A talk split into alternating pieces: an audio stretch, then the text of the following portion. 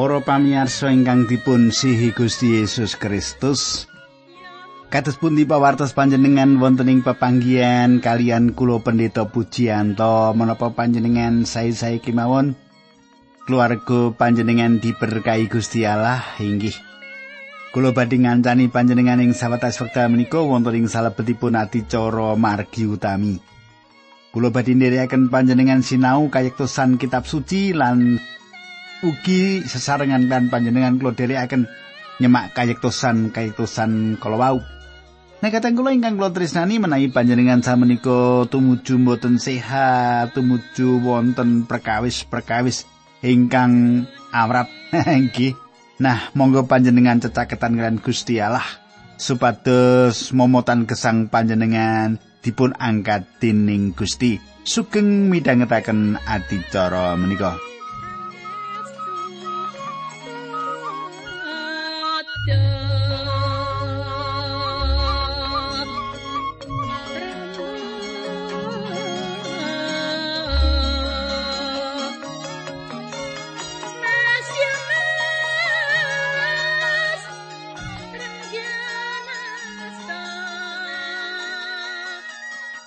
Para pamirsa, menapa panjenengan tasih kemutan menapa ingkang kula andharaken duk nalika pepanggihan kepengker. Nah, dingeh menawi panjenengan tasih kemutan, kita sampun ngrampungaken pasinon kita saking kitab kalih para raja nggih. Samenika kita badhe miwiti nyemak serat Rum, nggih serat Rum. Menapa kemawon ingkang badhe dipun pratelakaken ing serat menika? Nanging monggo kita ndedonga saderengipun kita wiwiti Duh Kanjeng Rama ingkang ada dampar wonten kraton ing kasuwargan kawula ngaturaken gunging panuwun nawi wekdal menika kawula saged tetunggilan kalian sederek-sederek kawula ingkang tresno dhateng adicara menika. Kintenipun Gusti berkahi sedherek kawula menika linambaran asmanipun Gusti kawula Yesus Kristus kawula netunggal haleluya. Amin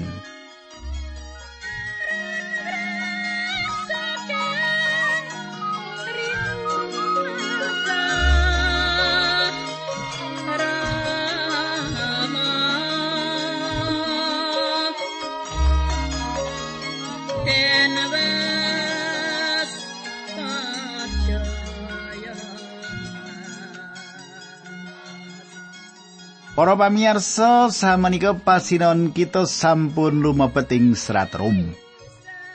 Kulo badhe nyukani keterangan ringkes kegayutan Rasul Paulus rumiyin lumantar seratanipun kita saestu-estu mlebet ing salebetipun cara utawi metode kawiyaipun kengkeran ingkang benten. Gusti ginakaken maneka werni cara kangge saged sesambetan kalian menungso panjenenganipun maringi pentatuik utawi paugeran Torat lumantar Musa.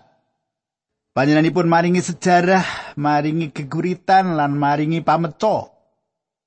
Panjenenganipun martosaken Injil lan kita samenika mlebet ing salebetipun perangan inggal serat kiriman ingkang saperangan ageng dipun serat dening Paulus.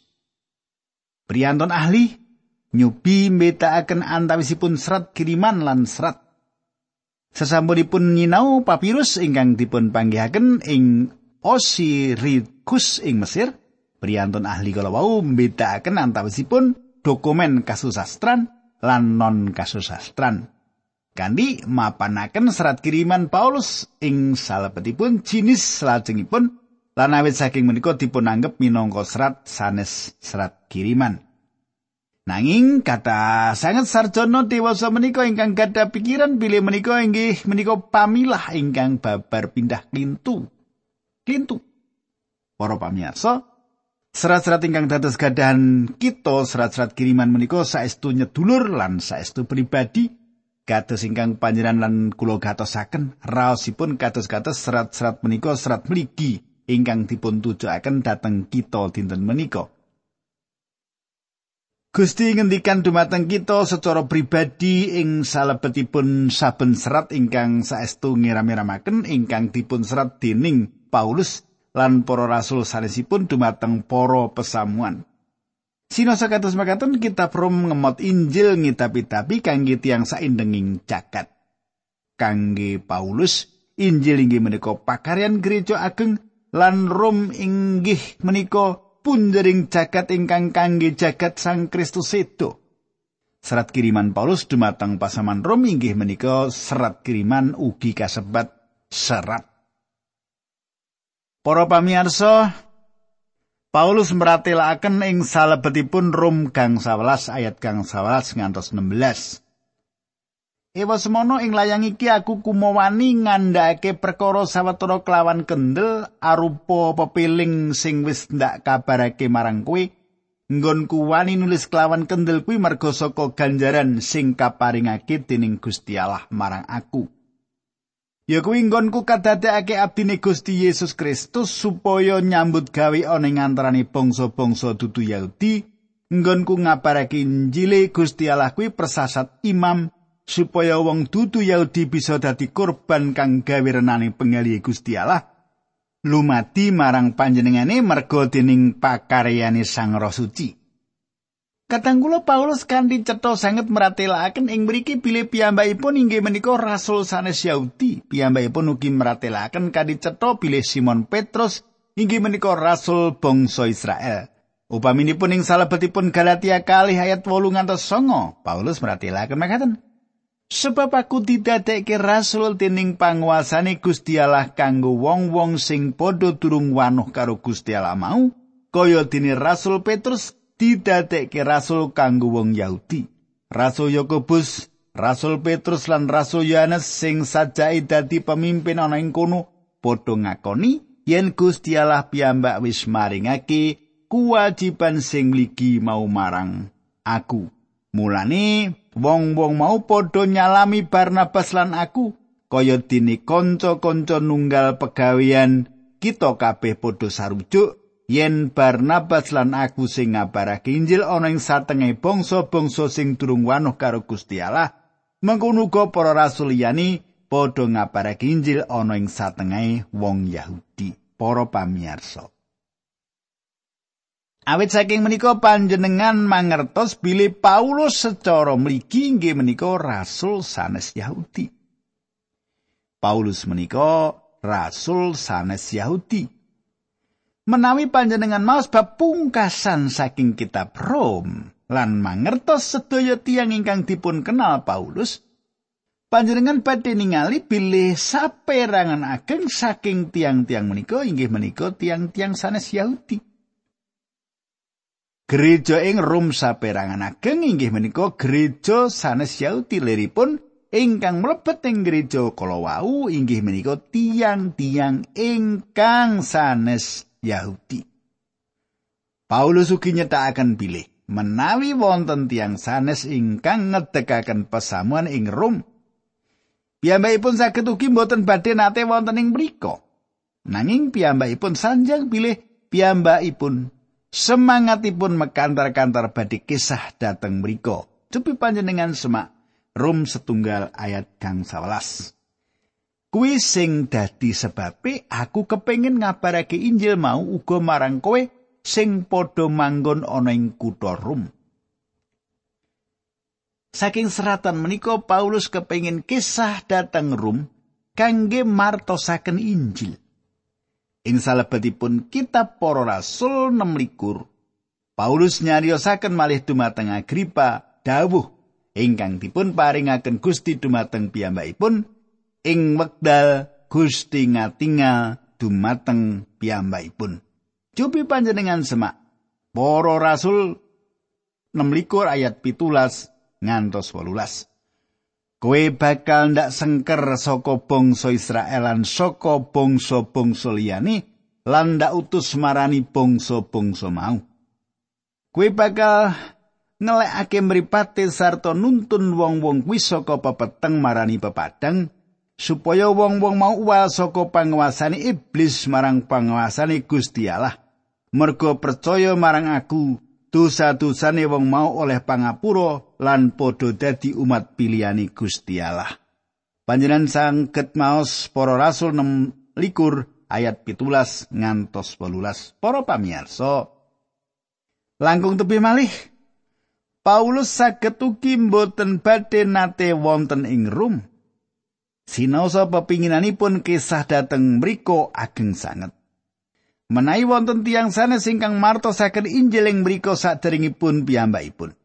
Ing Rom kang 11 ayat kali dosa, Paulus sanjang sing ndak pengini banget kuwi ngabarake Injil ing panggonan-panggonan sing durung tau krungu bab Gusti Yesus Kristus.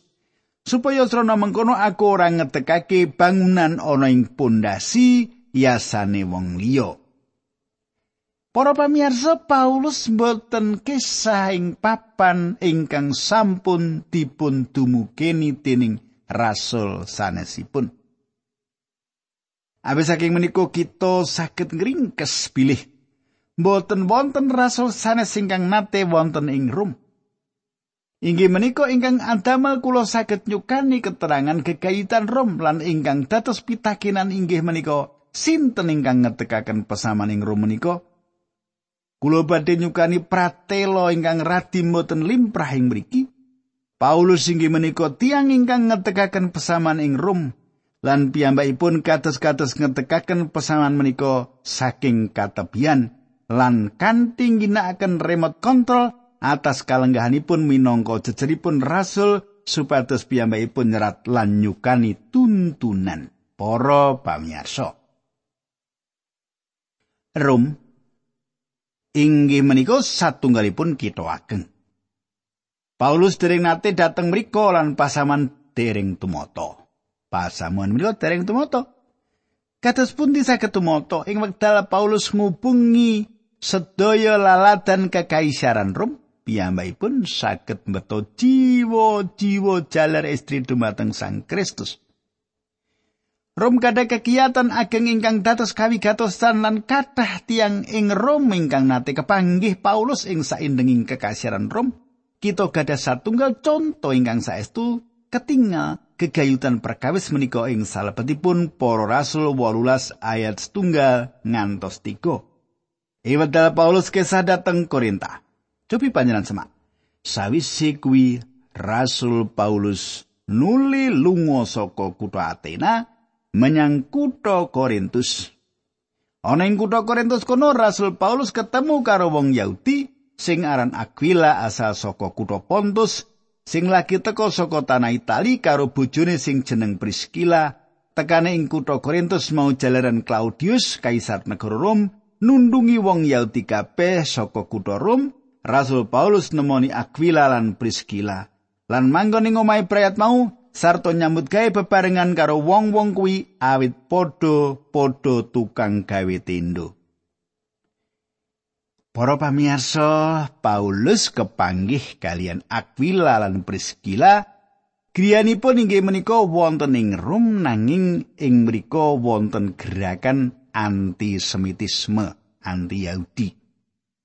Kaisar Claudius jaman semanten mejahi tiang-tiang Yahudi lan kakung istri menika, si Priscilla lan Aquila menika nilaraken Rom.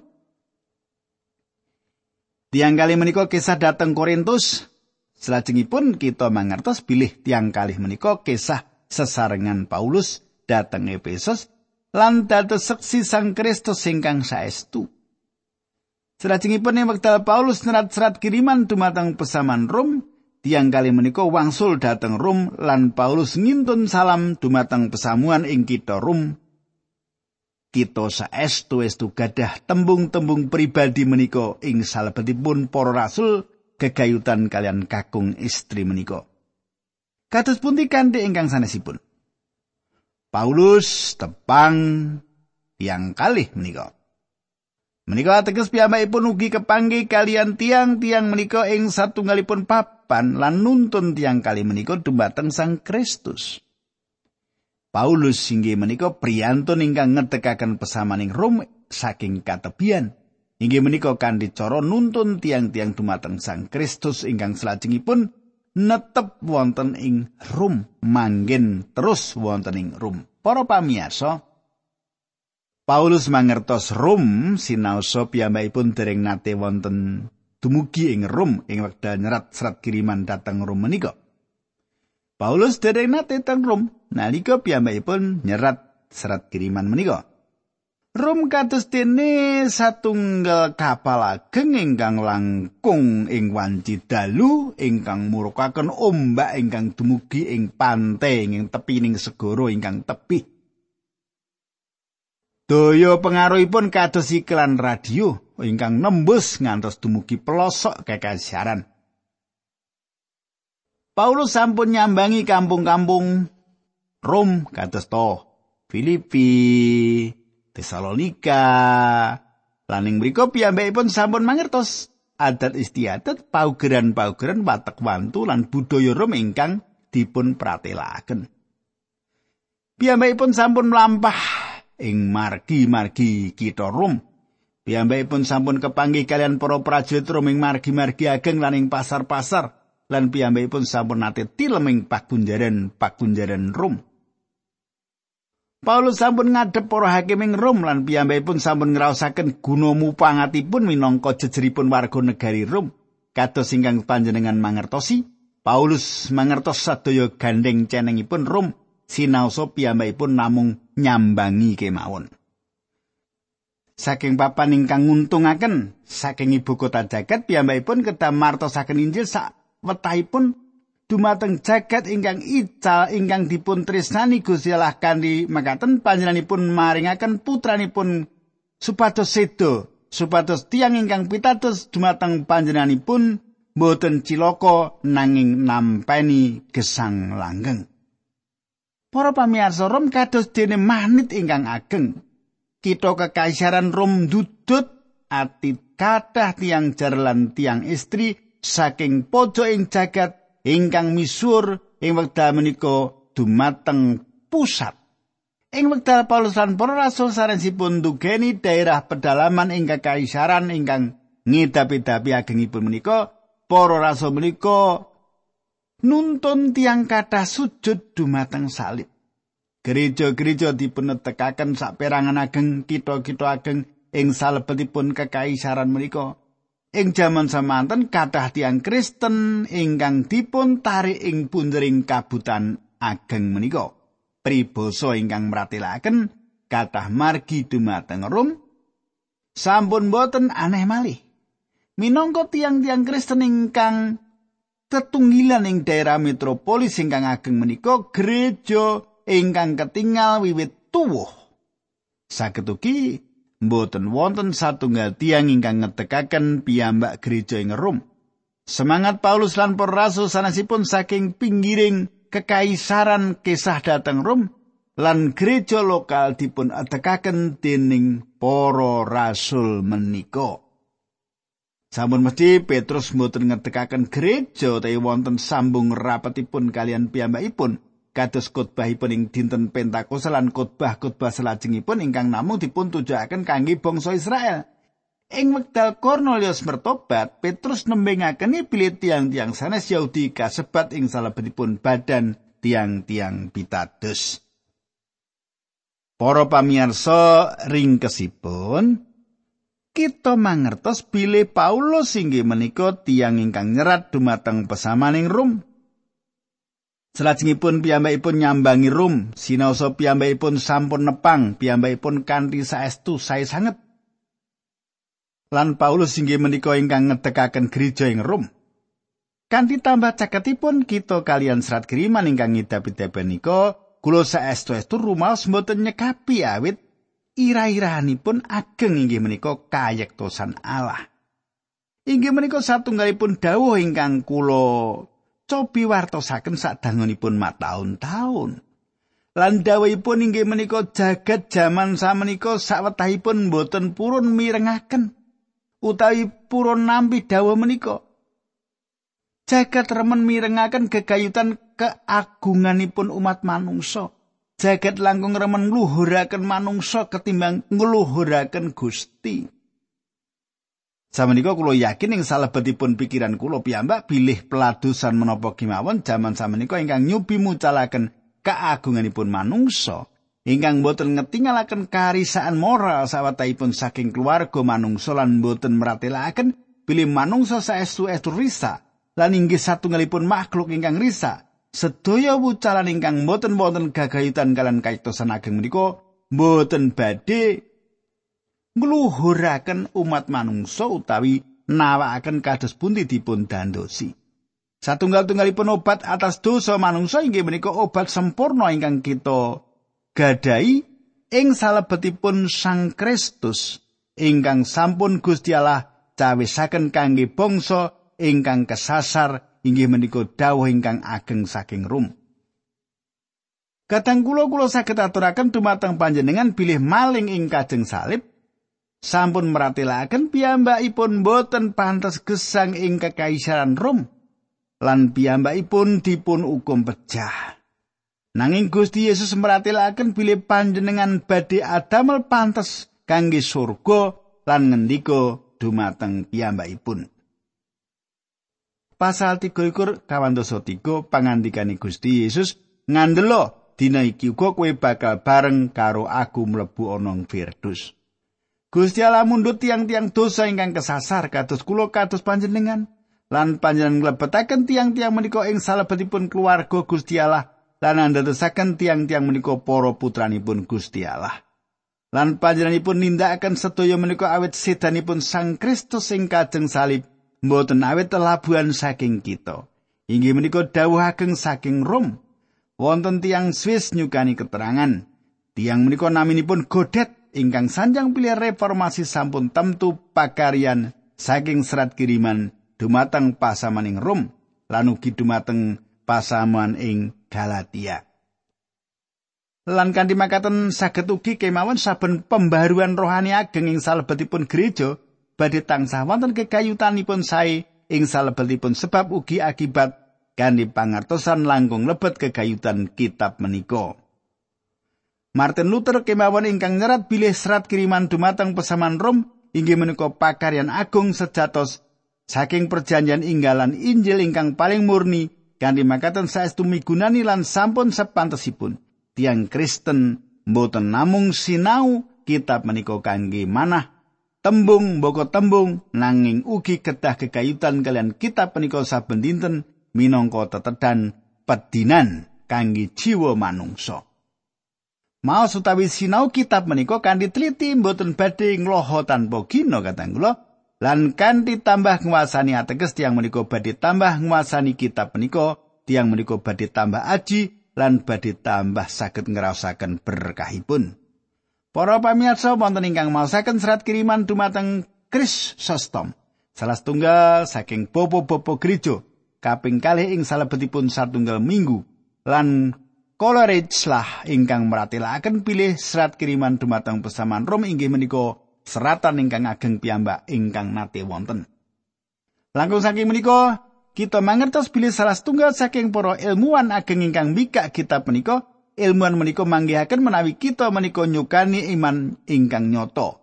Tiang menika naminipun Michael Faraday ing papan tilempipun saderengipun piyambak pecah dipun tangleti setunggal reporter. Menapa untung-untungan ini panjenengan samenika? Faraday jajang aku duwe untung-untungan apa-apa, imanku kuat ngelem marang Sang Kristus juru selamatku kang mati kanggo aku lan kang bikak dalan menyang swarga kanggo aku. Para pamirsa, kula saged matur dumateng panjenengan pilih serat kiriman menika ingkang ngribah tukang patri ing Bedford ingkang naminipun John Bunyan, piyambakipun sanes cendikiawan utawi tukang syair nanging piyambakipun serat buku ingkang larisipun nglangkungi larisipun kitab suci. Buku menika dipun sukani ira-irahan Pilgrim's Progress utawi musabere kagunganipun bunyan. Buku menika nyaresaken kekayutan tiang dosa ingkang dipun milujengaken dening Syekh Rahmat. Sinten tiang dosa menika? Tiang dosa menika inggih menika John Bunyan piyambak lan rekor sejarahipun dipun serat bilih John Bunyan menika maos lan sinau serat kiriman dumateng pesaman Rom lan piyambakipun martosaken cerita agengipun ing salabetipun cerita gesangipun piyambak cerita penjara inggih menika piyambakipun suwaning salib momotan dosanipun dipun angkat lan piyambakipun miwiti anggenipun lumampah dhateng kita surgawi Kadang kula kula badhe nyurung panjenengan nindakaken satunggalipun perkawis ingkang ngandhatengaken kauntungan ingkang gumunaken kangge panjenengan. Panjenengan waos kitab Rom lan panjenengan waos kanthi teratur serat kiriman menika gadah kekajengan mental sawetahipun ingkang dados darbe kita kadandosi lan tambahipun menika kedadipun sempurnakaken ing salebetipun donga lan panyuwun supados Sang Roh Suci saged mucal kita. Nanging sedaya tiang Kristen kedambu didaya mangertos kitab Rom sebab kitab menika badhe ngencengaken tiang Kristen dumateng iman. Katenggula pokok-pokok ageng serat menika kita saged nyemak sawetawis perkawis ingkang badhe dipun sinau Kawitan inggih menika perkawis doktrin. Ing salebetipun perangan menika dipun sinau gegayutan kabeneraken tiang dosa, wahyu gegayutan dosa manungsa lan wahyu gegayutan Allah. Salajengipun perkawis ingkang kaping kalih sratro menika ugi ngrembak perkawis dispensasional. Ing salebetipun perangan menika dipun rembak gegayutan urusan lami Gusti Allah kalian bangsa Israel. Lan perangan ingkang kaping tiga ingkang dipun rembak ing salebetipun sratro menika inggih menika gegayutan tugas. Ing salebetipun perangan menika dipun pratelaken gegayutan tugas pelatusan putra Allah lan ugi anggenipun kapenjelipun putra Allah. Nah kateng kula menapa malih ingkang badhe dipun pratelaken ing Rom kita badhe nyemak ing dinten candhaipun samenika kita monggo ndedonga. Duh Kanjeng Rama ing swarga kawula ngaturaken gunging panuwun menawi wekdal menika kawula saged tetunggilan kalian sedherek kawula. Matur nuwun Gusti, kawula pasrahaken dherek kawula wonten ing asta paduka linambaran asmanipun Gusti Yesus Kristus. Kawula ndedonga haleluya. Amin